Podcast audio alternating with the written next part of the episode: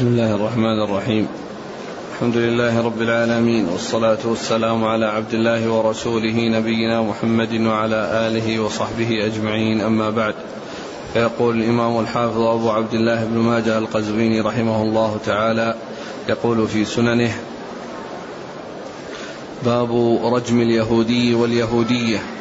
قال حدثنا علي بن محمد قال حدثنا عبد الله بن نمير عن عبيد الله بن عمر عن نافع عن ابن عمر رضي الله عنهما أن النبي صلى الله عليه وسلم رجم يهوديين أنا في من رجمهما فلقد رأيته وإنه يسترها من الحجارة. بسم الله الرحمن الرحيم الحمد لله رب العالمين وصلى الله وسلم وبارك على عبده ورسوله نبينا محمد وعلى آله وأصحابه أجمعين. أما بعد يقول الإمام ماجد رحمه الله باب في رجم اليهود واليهودية. المقصود من هذه الترجمة أن أهل الكتاب إذا تحاكموا إلينا فإن نحكم فيهم بحكم شريعتنا وذلك أن الشرائع السابقة ما كان منها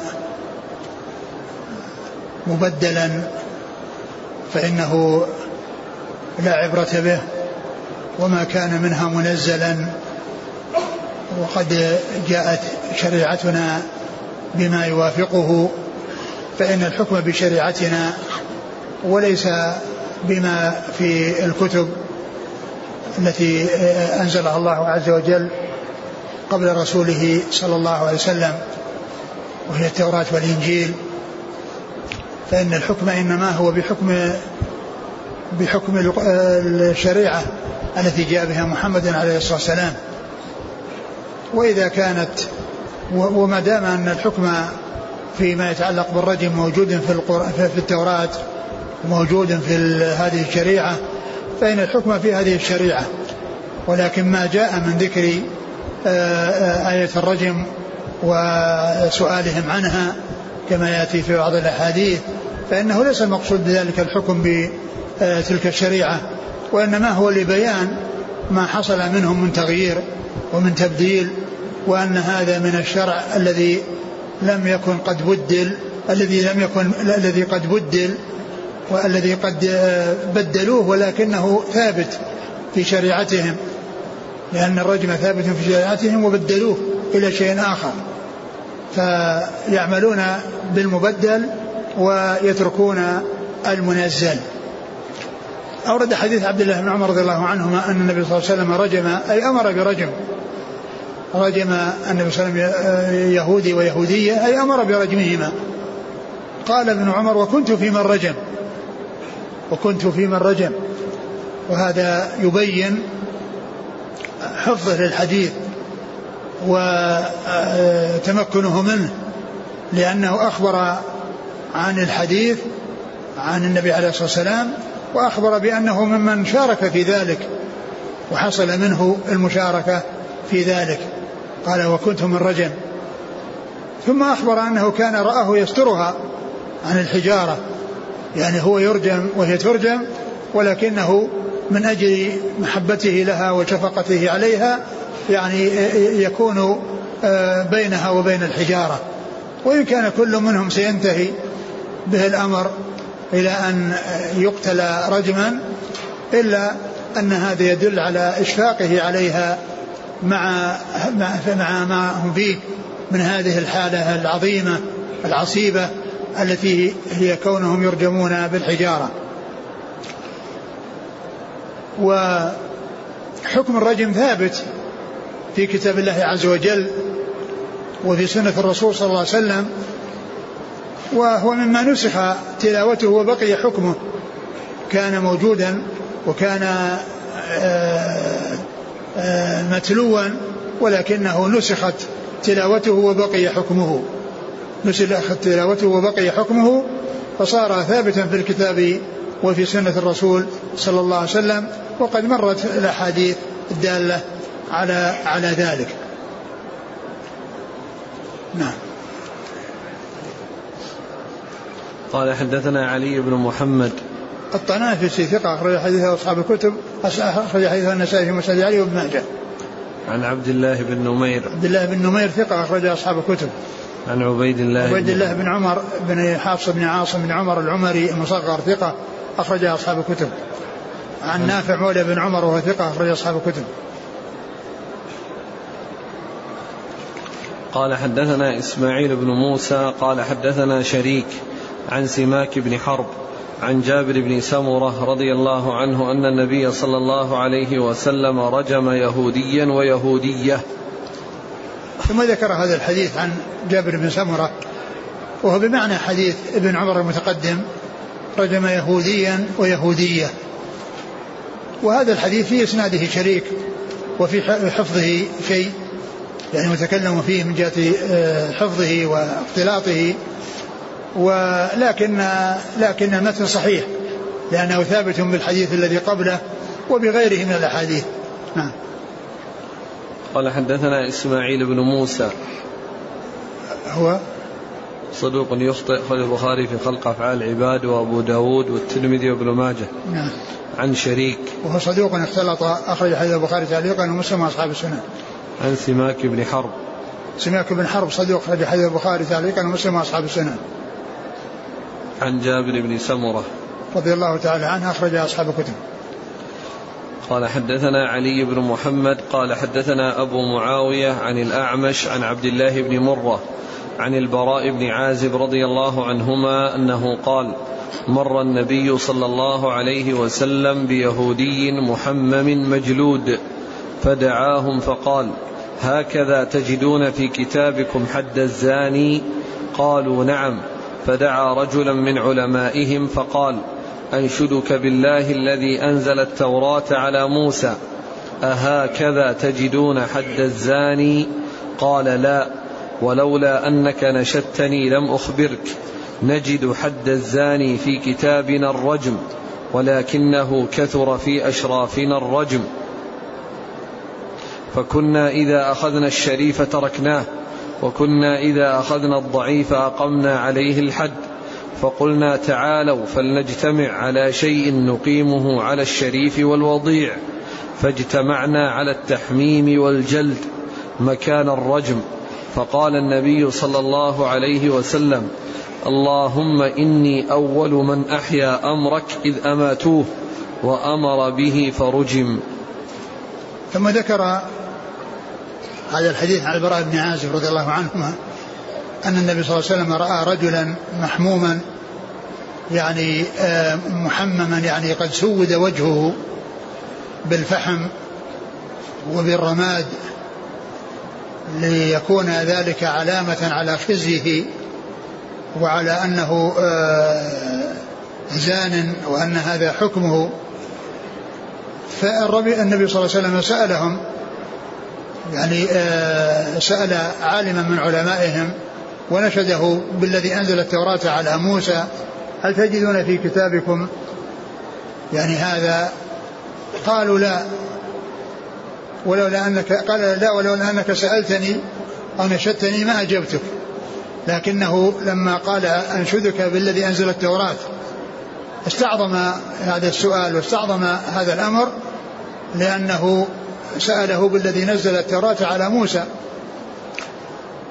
فقال إن الذي نجد في كتابنا الرجم ولكنه كان لا يفعلونه مع أشرافهم ويفعلونه مع ضعفائهم.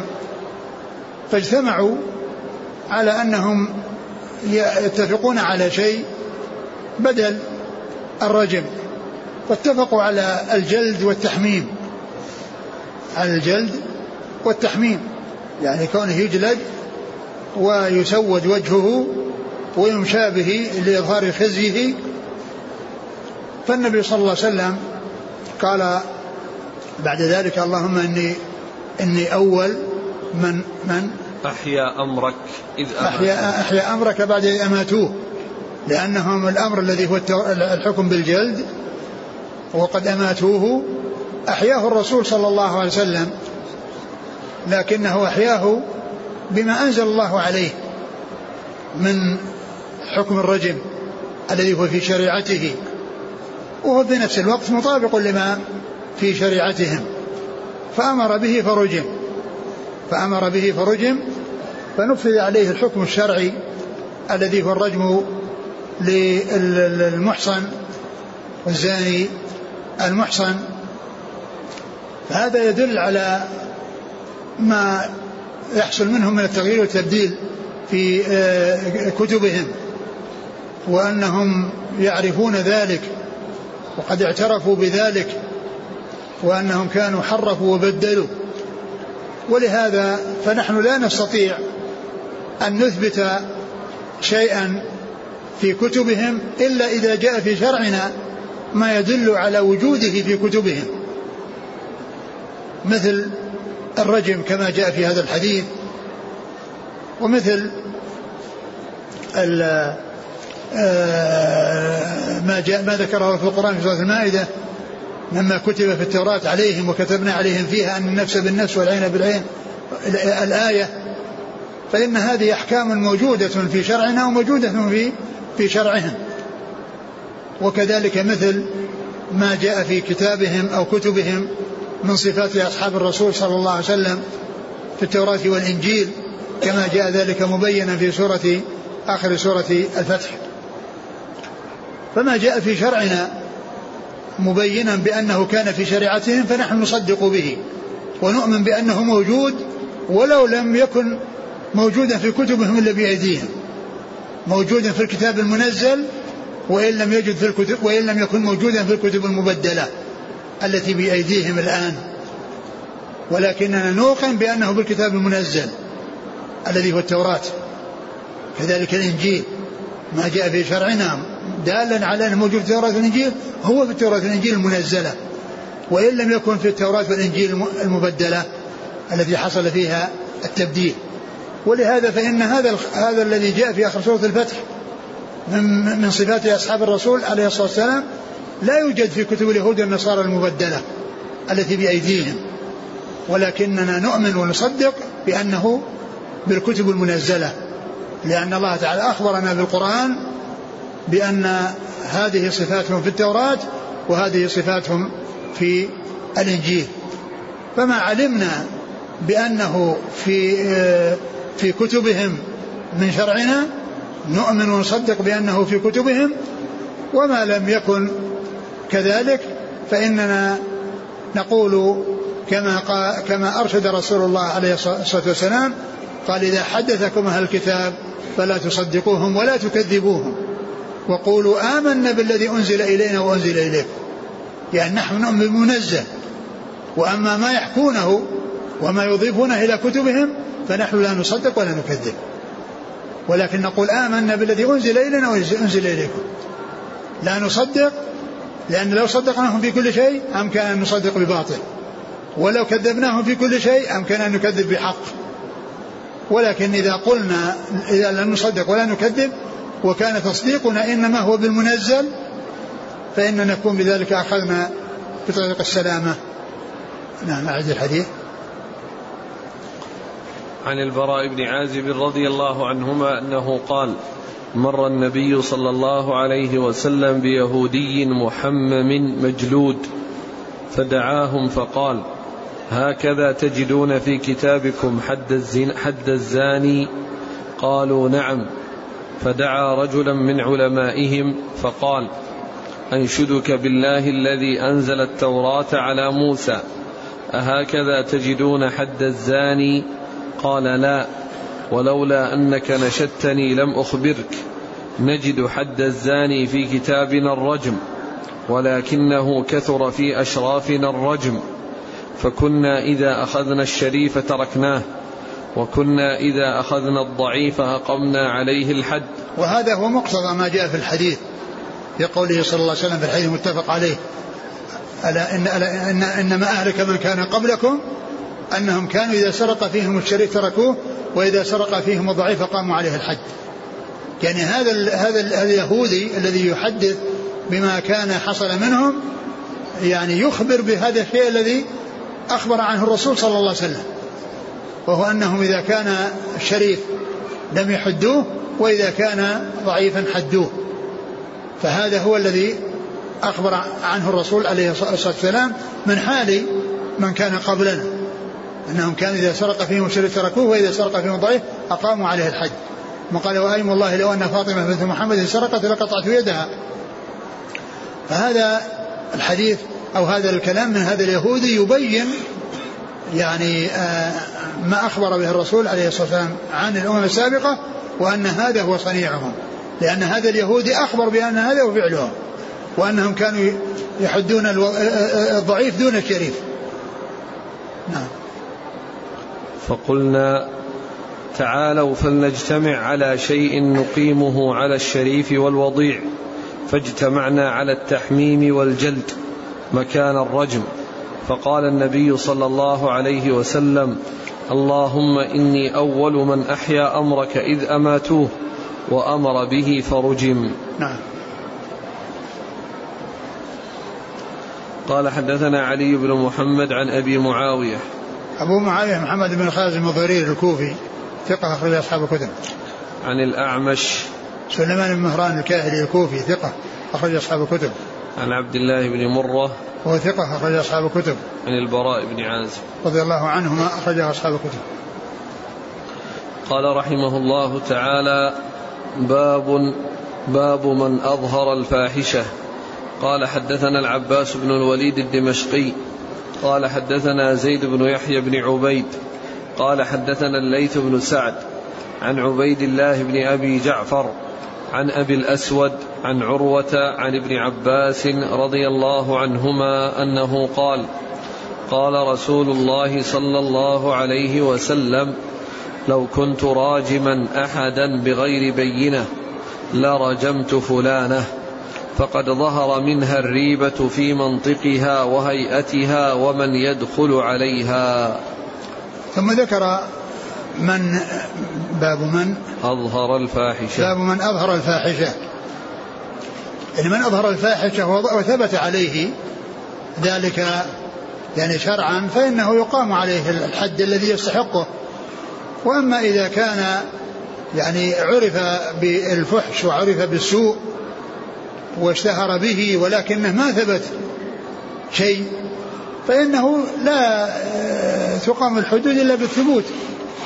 لا تقام الحدود إلا بالثبوت. وإن اشتهر وظهر عند الناس الفحش لبعض النساء أو بعض الرجال فإن مجرد ذلك لا, يقام لا, لا, لا يقتضي إقامة الحد حتى يثبت بالبينة التي هي أربعة شهود أو اعتراف. أو حمل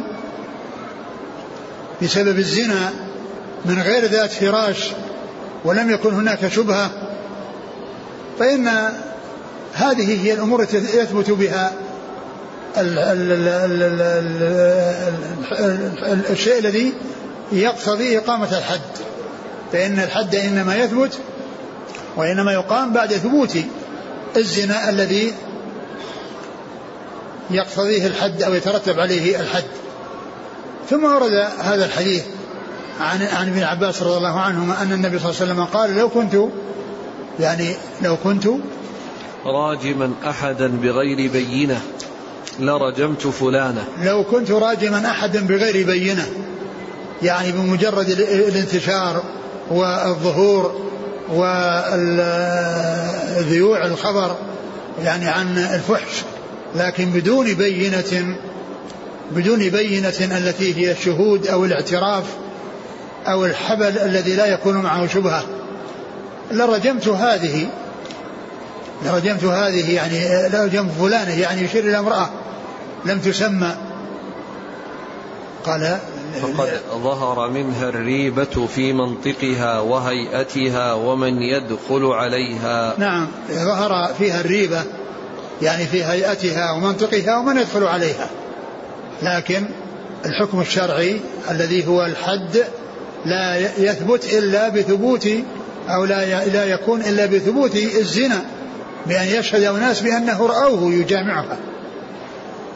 ما يكفي أنه دخل عليها وإنما رأوه يجامعها. أو أنها اعترفت أو أنه حصل حبل حبل الذي هو حمل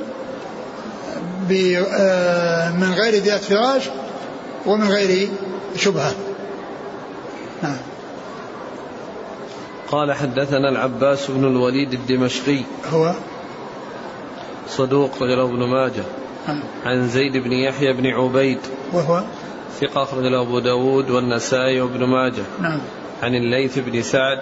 ثقة أخرج أصحاب الكتب. عن عبيد الله بن أبي جعفر. وهو ثقة أخرج له. أصحاب الكتب. نعم. عن أبي الأسود. وهو محمد بن عبد الرحمن بن نوفل ثقة أخرج له. أصحاب الكتب. نعم. عن عروة عن ابن عباس. عروة بن الزبير ثقة فقيه أخرج أصحاب الكتب. نعم. قال حدثنا أبو بكر بن خلاد الباهلي.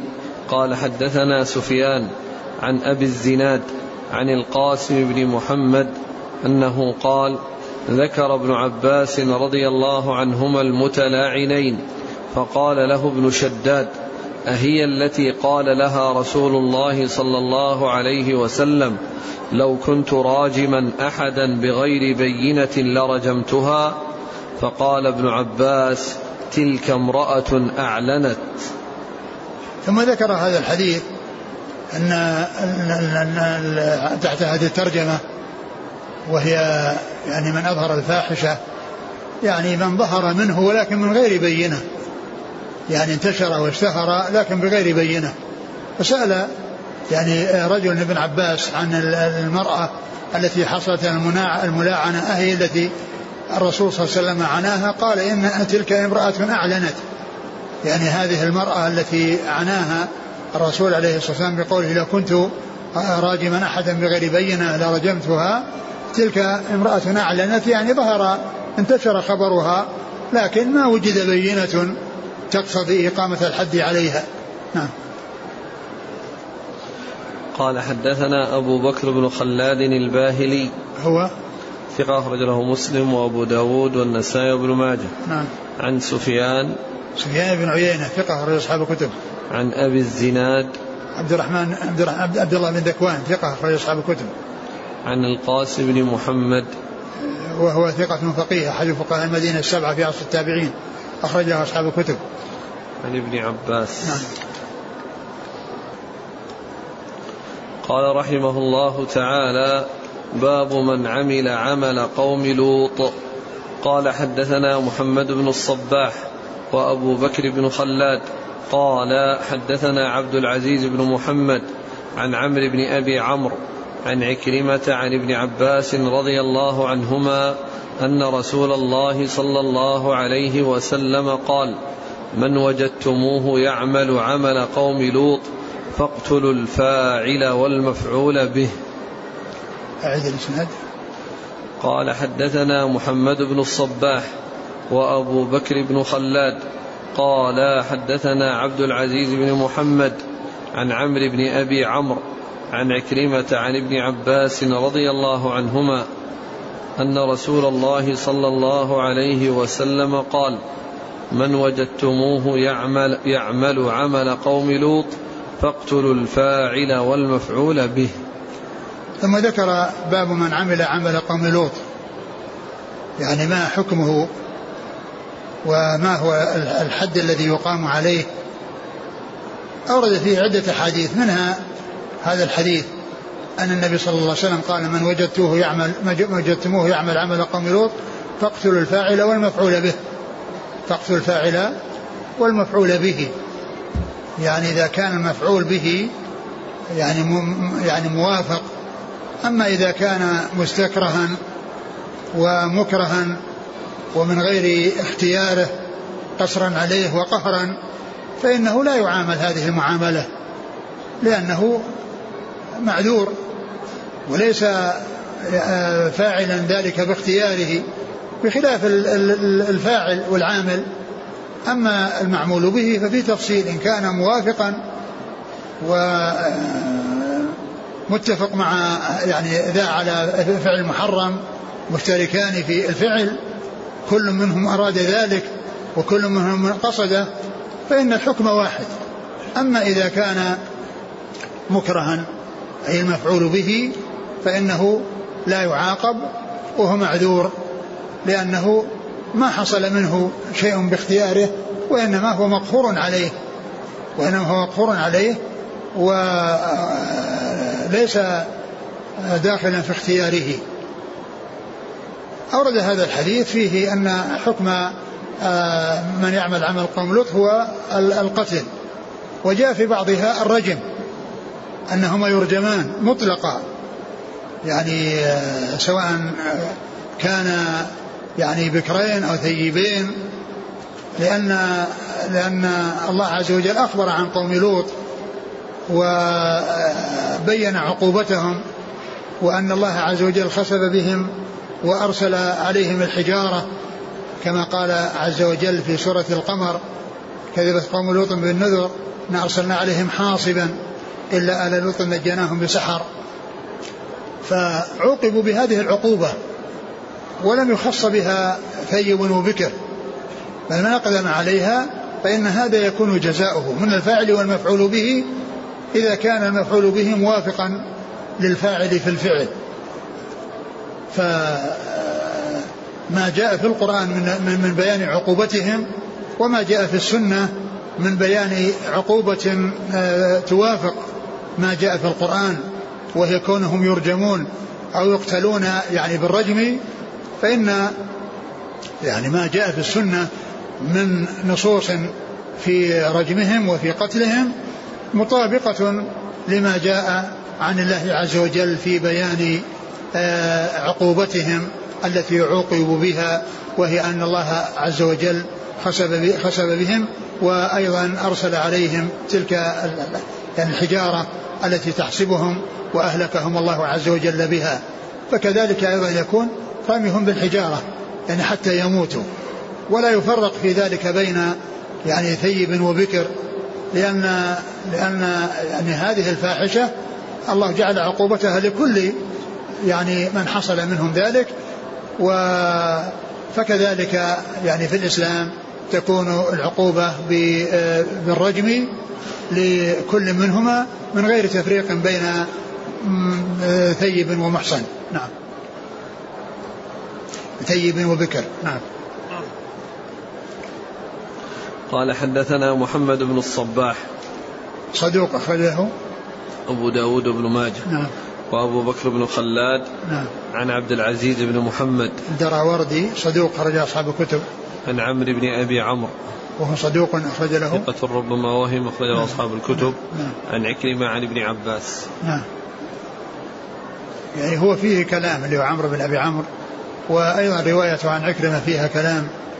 لكن يعني وجد يعني آه، ما يشهد لذلك. وأيضا هو موافق ومطابق لما جاء في القرآن من عقوبة آه، من يفعل هذا الفعل. نعم. قال حدثنا يونس بن عبد الأعلى قال أخبرني عبد الله بن نافع قال أخبرني عاصم بن عمر عن سهيل عن أبيه عن أبي هريرة رضي الله عنه عن النبي صلى الله عليه وسلم في الذي يعمل عمل قوم لوط. قال ارجموا الأعلى والأسفل أرجموهما جميعا.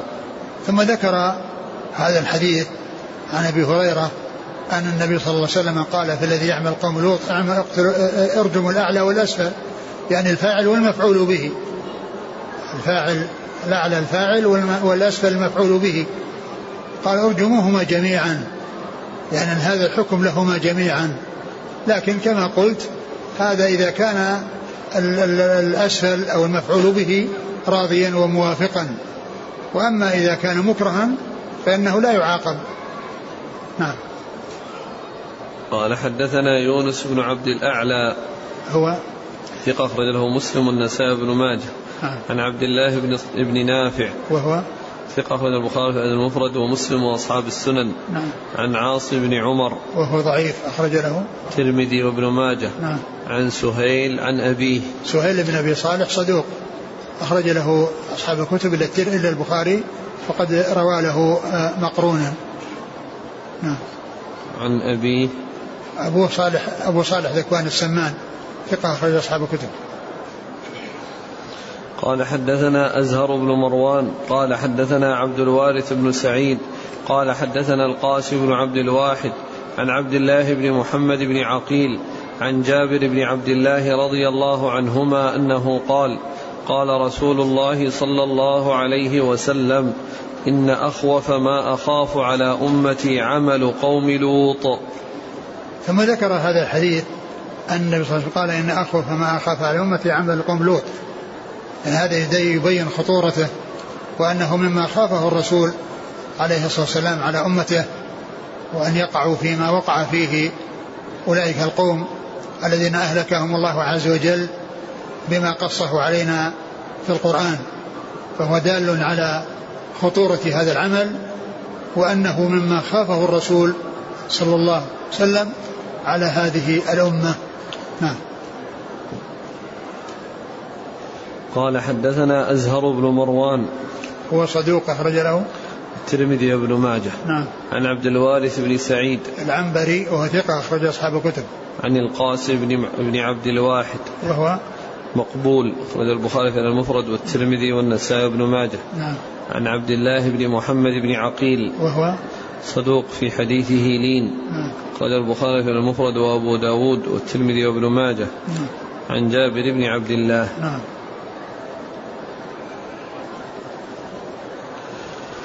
قال رحمه الله تعالى باب من أتى ذات محرم ومن أتى بهيمة.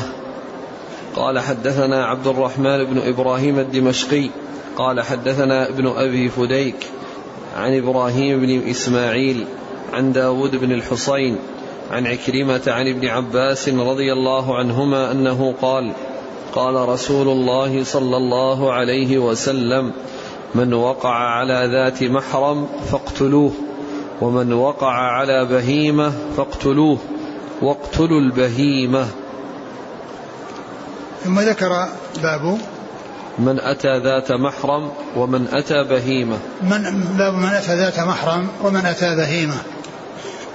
أورد في هذا الحديث الذي فيه كلام و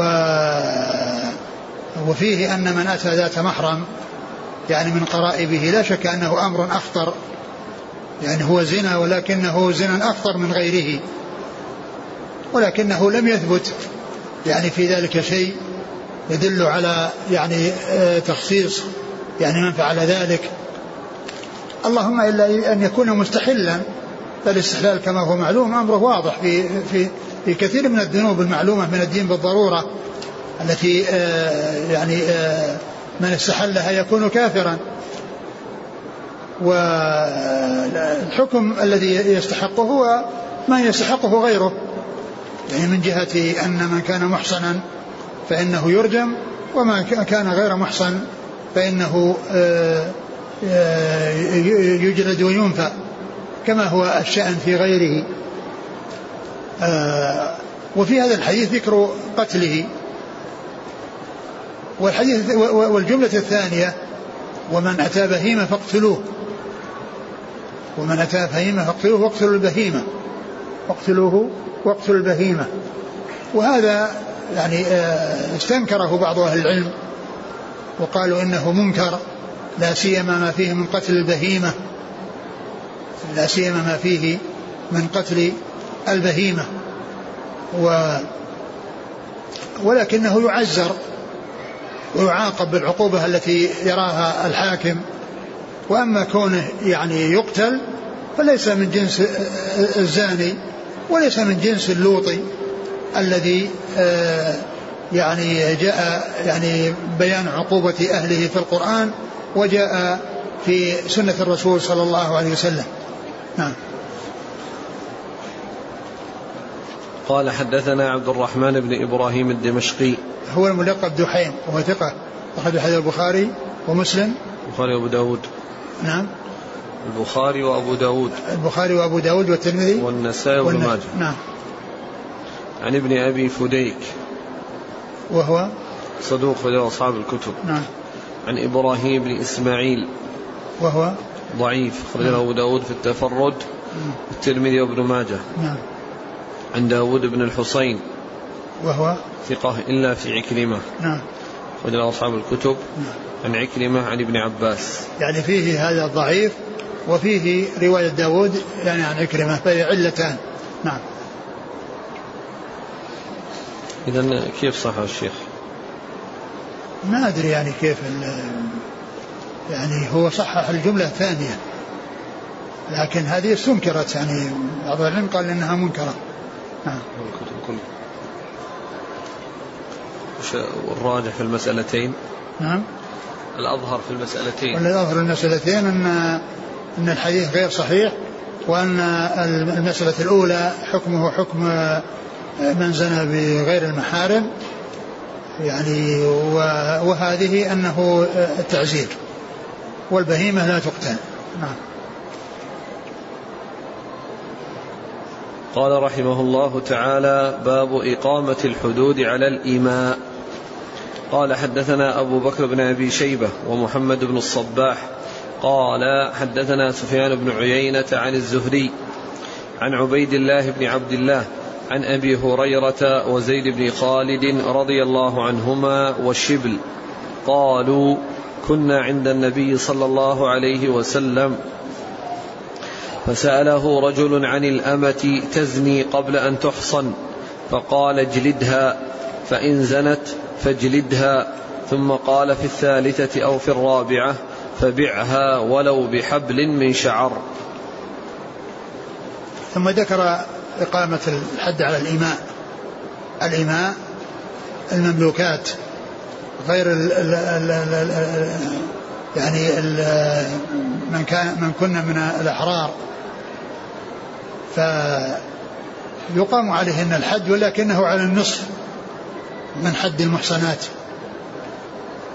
من من حد من حد من حد ال ال يعني الاحرار الاحرار يعني حد العبد على النصف من حد الحر ف فيكون بالجلد ولا يرجم لأن الرجم لا يتنصف وإنما الذي يتنصف هو الجلد.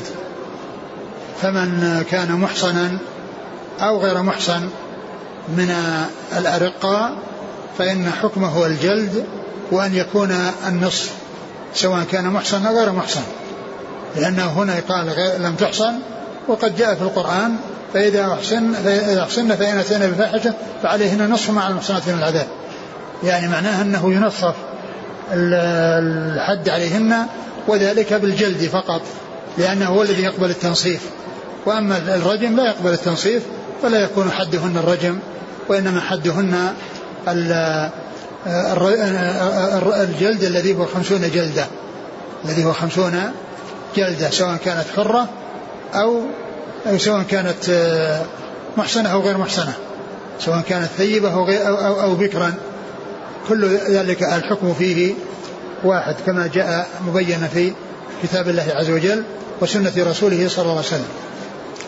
ثم ذكر هذا الحديث قال عن عن, عن عن أبي هريرة وزيد بن خالد وشبل نعم. قالوا نعم. كنا عند النبي صلى الله عليه وسلم فسأله رجل عن الأمة تزني قبل أن تحصن. نعم فقال اجلدها فإن زنت فاجلدها. ثم قال في الثالثة أو في الرابعة فبعها ولو بحبل من شعر. يعني أن الحكم فيها أنها تجلد وأنه لو تكرر منها تجلد يعني خمسين جلدة في المرة الأولى أو في الثانية أو في الثالثة ثم أو في الرابعة ثم قال بعها يعني تخلص منها. ولو بأبخس الأثمان ولو بحبل من شعر. وكونه يبيعها حتى تخرج من المكان الذي حصل لها فيه الزنا. وقد يتغير الحال مع تغير المكان وتغير السيد فقد يكون سيدها يعني يستمتع بها ويقضي وطرها. وكذلك أيضا قد يكون عنده من من من القدرة على صيانتها والمحافظة عليها ما يكون عند الأول. ثم إنه لا بد من البيان البيان. يعني لا يكتم يعني الخبر ولكن كما هو معلوم الناس يتفاوتون. قد يكون السيد الجديد يختلف عن السيد الأول في كونه يحافظ عليها وكونه يعفها وكونها تحصل عنده. يعني ما تستغني به عن التفكير في الوقوع في أمر آه، تستحق عليه الجلد الذي هو الزنا. فقال بيعها ولو بحبل من شعر يعني ولو بأبخس الأثمان ولو كان بأتفه الأثمان وبأيسرها وأدناها وأرداها الذي هو شيء يسير كالحبل من الشعر. فإذا هذا هو الحكم بالنسبة للإمام جلد وتكرار الجلد وهو على النصف من الأحرار ثم بعد ذلك البيع لأنه قد تتغير الحال بتغير المكان. نعم. قال حدثنا أبو بكر بن أبي شيبة ومحمد بن الصباح. نعم. عن سفيان بن عيينة عن الزهري. الزهري محمد بن مسلم بن عبيد الله ثقة. أخرج أصحاب الكتب. عن عبيد الله بن عبد الله. وهو ابن عتبة بن مسعود وهو ثقة فقيه أحد فقهاء المدينة السبعة في عصر التابعين أخرجها أصحاب الكتب. عن أبي هريرة وزيد بن خالد والشبل. أبو هريرة أكثر صحابة حديثا وزيد بن خالد الجهني رضي الله عنه أخرج أصحاب الكتب. وأما شبل فإنه آه، ليس بصحابي وذكره وهم من ابن عيينة. نعم وهو وهو مقبول أخرج له. الترمذي والترمذي والنسائي بن ماجه. نعم.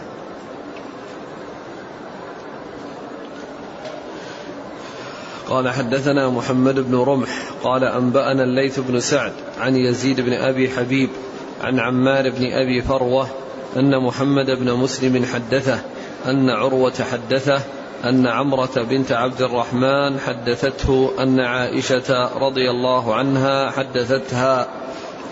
أن رسول الله صلى الله عليه وسلم قال إذا زنت الأمة فاجلدوها فإن زنت فاجلدوها فإن زنت فاجلدوها فإن زنت فاجلدوها ثم بيعوها ولو بضفير والضفير الحبل. ثم ذكر هذا الحديث وهو مثل الحديث الذي قبله أن الحكم هو الجلد وهو النصف من الحرة وأنها في النهاية تباع ولو بظفير يعني ولو بحبل هنا قال بظفير هنا قال بظفير وهنا قال بحبل من شعر يعني منها بأرخص الأثمان فلا تبقوا عليها وإنما بيعوها بأبخس الأثمان ولو كان بحبل من شعر ولو كان بظفير الذي هو الحبل. السيد هو الذي يقيم الحد؟ الذي يقيم الحد عليه. الذي يقيمه الذي يقيمه ال ال الإمام ولكنه يمكن أن يجعله إلى سيد. ها. وهل الحكم كذلك بالنسبة للعبد الذكر؟ يجلد أربع مرات ثم يباع. لا أدري. قال رحمه الله تعالى باب حد القذف. قال حدثنا محمد بن بشار قال حدثنا ابن أبي عدي عن محمد بن إسحاق عن عبد الله بن أبي بكر عن عمرة عن عائشة رضي الله عنها أنها قالت لما نزل عذري قام رسول الله صلى الله عليه وسلم على المنبر فذكر ذلك وتلا القرآن فلما نزل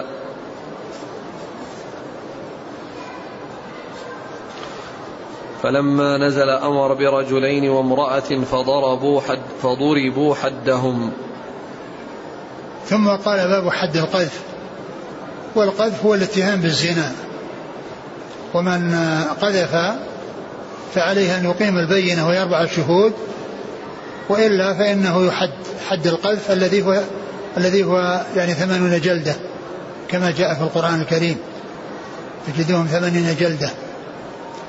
ثم ذكر حديث عائشة رضي الله عنها وقصة الإفك وأن الله عز وجل لما نزل عذرها وبيان سلامتها سلامتها قام النبي صلى الله عليه وسلم فبين ذلك على المنبر وأن الله عز وجل أنزل براءتها وأنزل الآيات التي تتلى في براءتها في أول سورة النور.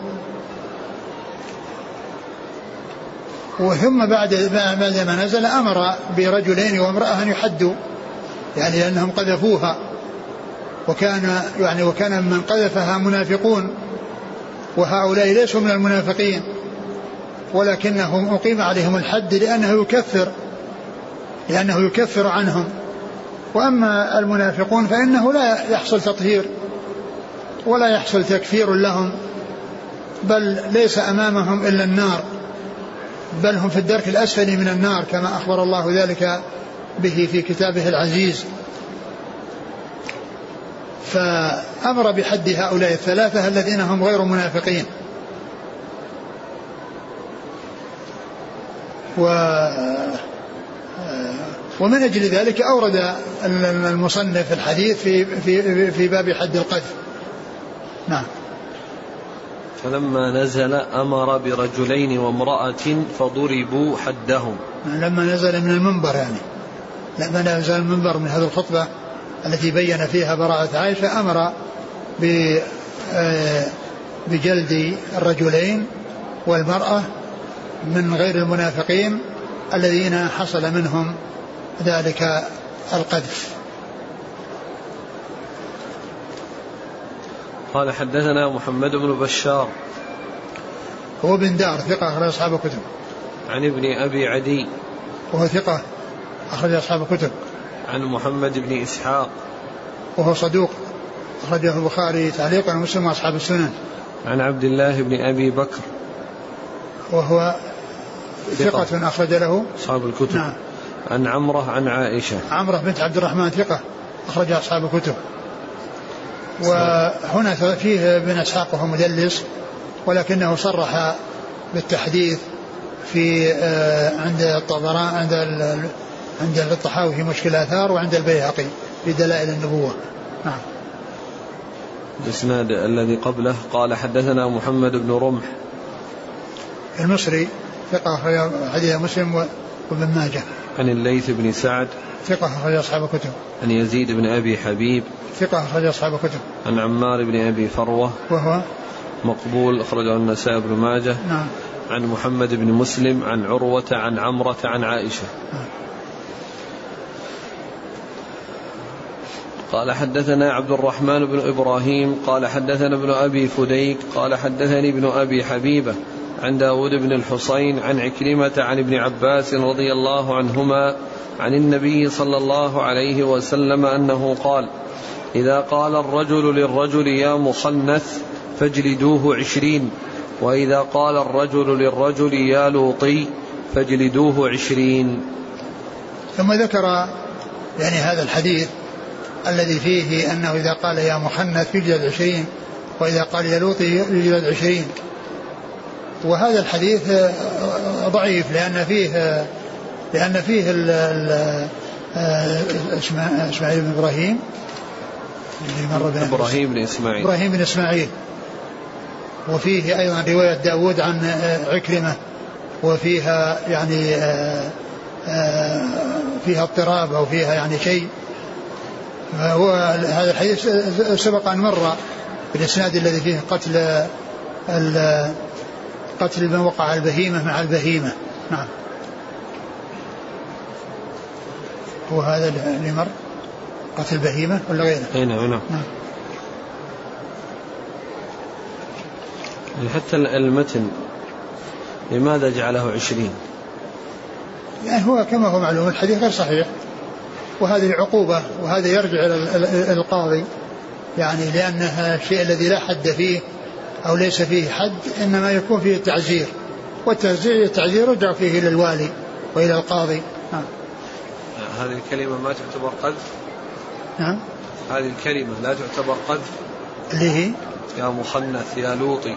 آه نعم بس انه يعني كونه يصير فيها هذا المقدار هذا غير صحيح. فأقول حتى المتن؟ يعني المتن الآن نعم فيه يعني فيه فيه نكارة لا شك. قال رحمه الله تعالى باب حد السكران. قال حدثنا إسماعيل بن موسى قال حدثنا شريك عن أبي حصين عن عمير بن سعيد حا قال وحدثنا عبد الله بن محمد الزهري قال حدثنا سفيان بن عيينة قال حدثنا مطرف قال سمعته عن عمير بن سعيد قال قال علي بن أبي طالب رضي الله عنه ما كنت أدي من أقمت عليه الحد إلا شارب الخمر. فإن رسول الله صلى الله عليه وسلم لم يسن فيه شيئا إنما هو شيء جعلناه نحن. ثم ذكر باب حد السكران يعني حد الحد على شرب الخمر. ومعلوم أن الحد إنما هو على شرب الخمر يعني سواء حصل السكر ولا ما حصل السكر. الحد إنما هو لشرب الخمر. ولهذا جاء في الحديث ما أسكر كثيره فقليله حرام يعني كل ذلك يعني آه، حرام. فذكر يعني هنا هذا الحديث عن علي رضي الله عنه قال ما, ما كنت أدي ما كنت أدي من أقمت عليه الحد إلا شارب الخمر. آه يقول ما كنت أدي أحد أقمت عليه الحد إلا شارب الخمر. يعني لو حصل سراية في إقامة الحد بأن يكون جلد ولكنه مات بسبب الجلد يعني في الزنا أو في القذف فإن يعني ما يحصل نتيجة للحد فإنه يعتبر هدر يعني لا لا يضمن. وكذلك من قطعت يده في السرقة ثم حصل مضاعفة لمكان القطع ومات بسبب ذلك فإنه يعني لا دية له لأنه لأن هذا سراية للحد. والحد إذا حصل له سراية فإنه يعني لا يضمن ولا يصير يعني آه، فيه دية. قال إلا شارب الخمر فإن النبي صلى الله عليه وسلم لم يحد فيه حدا ولكنه شيء آه، رأيناه جعلناه نحن. جعلناه نحن. وقد جاء عنه أن النبي عليه الصلاة والسلام يعني جلد في الخمر وجاء في بعضها أنه نحو من أربعين وفي بعضها يعني أربعين وجاء يعني عن عمر رضي الله عنه أنه جعله ثمانين وجعله مثل حد القذف لأن السكر لأن الإنسان إذا سكر يعني يحصل منه الهذيان ويحصل منه القذف ويحصل منه أمور أخرى. فرأوا أن يكون ثمانين وصار عليه أكثر العلماء. ولكن بعضهم يرى أنه أربعين أو قريب من أربعين لأن هذا هو الذي جاء عن النبي عليه الصلاة والسلام. وجاء في بعضها أيضا أنه أنهم ضربوه بالنعال وبالثياب وبأشياء متعددة وقدر ذلك أنه نحو أربعين. فكان علي رضي الله عنه وأرضاه يقول إن ما كنت واديا أحدا لو حصل له يعني تلف بسبب إقامة الحد إلا شارب الخمر فإنه ليس فيه حد محدد يعني بين يعني مثل غيره من الحدود. لأن قدروا هذا التقدير وأن حصل جلده بالنعال وبال وبالثياب وما إلى ذلك فقدروه يبلغ هذا المقدار. يبلغ هذا المقدار. فيقول لو كنت واديا أحدا لا, لا, أدري أحدا يعني حصل له بسبب الحد هلاك إلا شارب الخمر لأن الأمر ليس فيه واضح. كما هو واضح في غيره. نعم. قال حدثنا إسماعيل بن موسى. هو؟ صدوق يخطئ أخرج البخاري في خلق أفعال العبادة وأبو داود الترمذي وابن ماجه. نعم. عن شريك عن أبي حصين. وهو ثقة أخرج له؟ أصحاب الكتب. نعم. عن عمير بن سعيد. وهو؟ ثقة أخرج له أصحاب الكتب. نعم. إلا الترمذي وإلا النسائي في مسند علي. نعم. قال حا وحدثنا عبد الله بن محمد الزهري. وهو صدوق غير مسلم وأصحاب السنن. عن سفيان بن عيينة عن مطرف. مطرف بن طريف ثقة أخرج له. أصحاب الكتب. نعم. عن عمير بن سعيد عن علي بن أبي طالب. علي بن أبي طالب رضي الله عنه أمير المؤمنين ورابع الخلفاء الراشدين الهادين المهديين صاحب المناقب الجمة والفضائل الكثيرة وحديثه عند أصحاب الكتب الستة. قال حدثنا نصر بن علي الجهضمي قال حدثنا يزيد بن زريع قال حدثنا سعيد حا قال وحدثنا علي بن محمد قال حدثنا وكيع عن هشام الدستوائي جميعا عن قتادة عن أنس بن مالك رضي الله عنه أنه قال كان رسول الله صلى الله عليه وسلم يضرب في الخمر بالنعال والجريد. ثم ذكر هذا الحديث يضرب يعني يأمر بالضرب. يعني بالنعال والجريد الجريد اللي هو جريد النخل. فجاء في بعضها أنه مقدر نحو أربعين وفي بعضها أربعين كما كما سيأتي. نعم. قال حدثنا نصر بن علي الجهضمي. ثقة أخرج أصحاب الكتب وهو شيخ لأصحاب الكتب. عن يزيد بن زريع. ثقة أخرج أصحاب الكتب. عن سعيد. بن أبي عن قتادة. سعيد بن أبي عروبة ثقة أخرج أصحاب الكتب. قال وحدثنا علي بن محمد عن وكيع. وكيع بن الجراح ثقة أخرج أصحاب الكتب. عن هشام الدستوائي. ثقة أخرج أصحاب الكتب. جميعا عن قتادة عن أنس. قتادة من دعامة ثقة أخرج أصحاب الكتب. قال حدثنا عثمان بن أبي شيبة قال حدثنا ابن علية عن سعيد بن أبي عروبة عن عبد الله بن الداناج قال سمعت حضين بن المنذر الرقاشي. قال حا وحدثنا محمد بن عبد الملك بن أبي الشوارب قال حدثنا عبد العزيز بن المختار قال حدثنا عبد الله بن فيروز الداناج قال حدثني حضين بن المنذر قال لما جيء بالوليد بن عقبة إلى عثمان رضي الله عنه قد شهدوا عليه قال لعلي دونك ابن عمك فأقم عليه الحد فجلده علي وقال جلد رسول الله صلى الله عليه وسلم أربعين وجلد أبو بكر رضي الله عنه أربعين وجلد عمر رضي الله عنه ثمانين وكل سنة.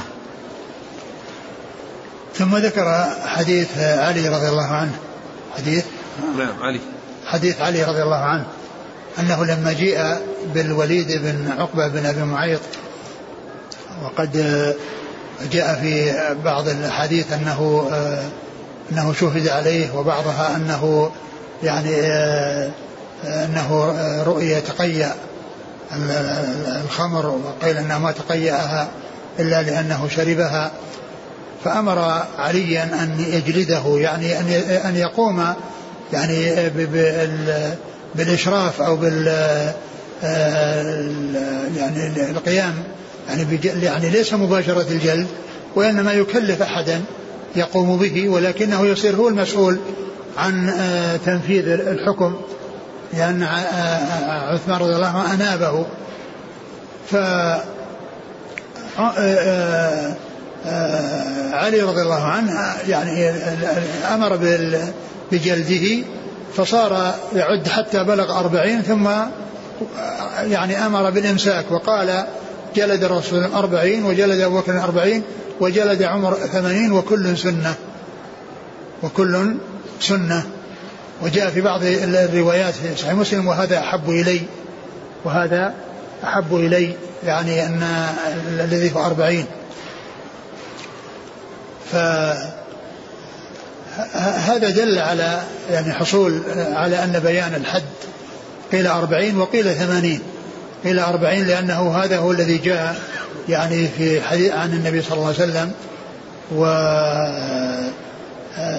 وقيل ثمانين لأنه هو الذي آه، آه، استشار فيه الصحابة عمر رضي الله عنه وقال إن الناس تساهلوا يعني في هذا الأمر وأراد أن يعني يكون يعني يعاقب بما هو أكثر من ذلك. ومما تكلموا به أن القذف حده ثمانين أن الحد القذف حده ثمانين والذي يشرب يحصل منه القذف. ويحصل منه الأمور مختلف المعاصي. يحصل منه مختلف المعاصي. فرأوا أن يكون حده ثمانين أن يكون حده ثمانين ولهذا اختلف العلماء بين كونه أربعين وكونه آه، كونه ثمانين. أعد الحديث قال لما جيء بالوليد بن عقبة إلى عثمان قد شهدوا عليه. قال لعلي دونك ابن عمك. فأقم عليه الحد. قوله دونك ابن عمك يعني المقصود به العمومة البعيدة وليست القريبة لأن لأن الوليد بن عقبة ابن أبي معيط هو من بني أمية ويلتقي بني أمية ببني هاشم بعبد مناف لأن عبد مناف أولاده أربعة. أولاد عبد مناف أربعة الذي هو هاشم الذي منه عبد المطلب ثم الرسول صلى الله عليه وسلم وأهل البيت والمطلب ابن عبد مناف و عبد شمس بن عبد مناف ونوفل بن عبد مناف هؤلاء هم الأربعة. وبنو أمية من بين عبد شمس. يعني فإذا التقى في عبد مناف يعني يلتقي علي رضي الله عنه بعثمان وب وبالوليد بن عقبة بن أبي معيط في عبد مناف. ولهذا قال ابن عمك. يعني بنوة عم يعني بعيدة. ليست ليست قريبة. هذا هو المقصود من قوله ابن عمك. نعم. فأقم عليه الحد فجلده علي وقال أقم عليه الحد يعني أنه يتولى تنفيذ هذه المهمة ليس بنفسه وإنما كونه يأمر من يتولى ذلك ولكنه هو الذي يكون مسؤولا عن كونه يقيم عليه الحد وإن لم يباشره بنفسه. نعم. ف... فجلده علي وقال جلد يعني ليس هو الذي جلده يعني أمر بجلده. قد جاء في بعض في صحيح مسلم أنه قال للحسن أنه يجلد فقال يعني ولي حارها من تولى قارها. ثم أمر عبد الله بن جعفر فجلد وصار يعد حتى بلغ أربعين وقال أمسك. نعم. وقال جلد رسول الله صلى الله عليه وسلم أربعين وجلد أبو بكر أربعين وجلد عمر ثمانين وكل سنة. يعني كل سنة يعني هذا الذي آه، حصل الذي آه، جلد فيه آه، حصل فيه الأربعين وكذلك الثمانين كل سنة. وهذا يبين لنا ما كان عليه أصحاب رسول الله عليه الصلاة والسلام مع أهل البيت وأن بينهم الاحترام والتوقير فإن علي رضي الله عنه يعني قال جلد أبو بكر الرسول صلى الله عليه وسلم أربعين وأبو بكر أربعين وجلد عمر ثمانين وكل سنة يعني هذا سنة وهذا سنة ف يعني بعضهم يوقر بعضا ويحترم بعضهم بعضهم بعضا رضي الله تعالى عنهم وأرضاهم. نعم. قال حدثنا عثمان بن أبي شيبة ثقة أخرج أصحاب الكتب إلا الترمذي وإلا النسائي فأخرج له في آه، عمل يوم الليلة. عن ابن علية إسماعيل بن إبراهيم بن علية ثقة أخرج أصحاب الكتب. عن سعيد بن أبي عروبة عن عبد الله بن الداناج. عبد الله بن فيروز هو ثقة أخرج أصحاب الكتب إلا الترمذي. نعم. عن حضين بن المنذر الرقاشي. وهو؟ ثقة أخرجه مسلم وداود والنسائي بن ماجه. نعم. حا قال وحدثنا محمد بن عبد الملك بن أبي الشوارب. وهو؟ صدوق له مسلم والترمذي والنسائي بن ماجه. نعم. عن عبد العزيز بن المختار. وهو ثقة أخرج له؟ أصحاب الكتب. نعم. عن عبد الله بن فيروز الداناج. عن حضين بن المنذر. عن علي بن أبي طالب. نعم. انتهى نعم. والله تعالى أعلم وصلى الله وسلم وبارك على أبي ورسوله نبينا محمد وعلى آله وأصحابه أجمعين.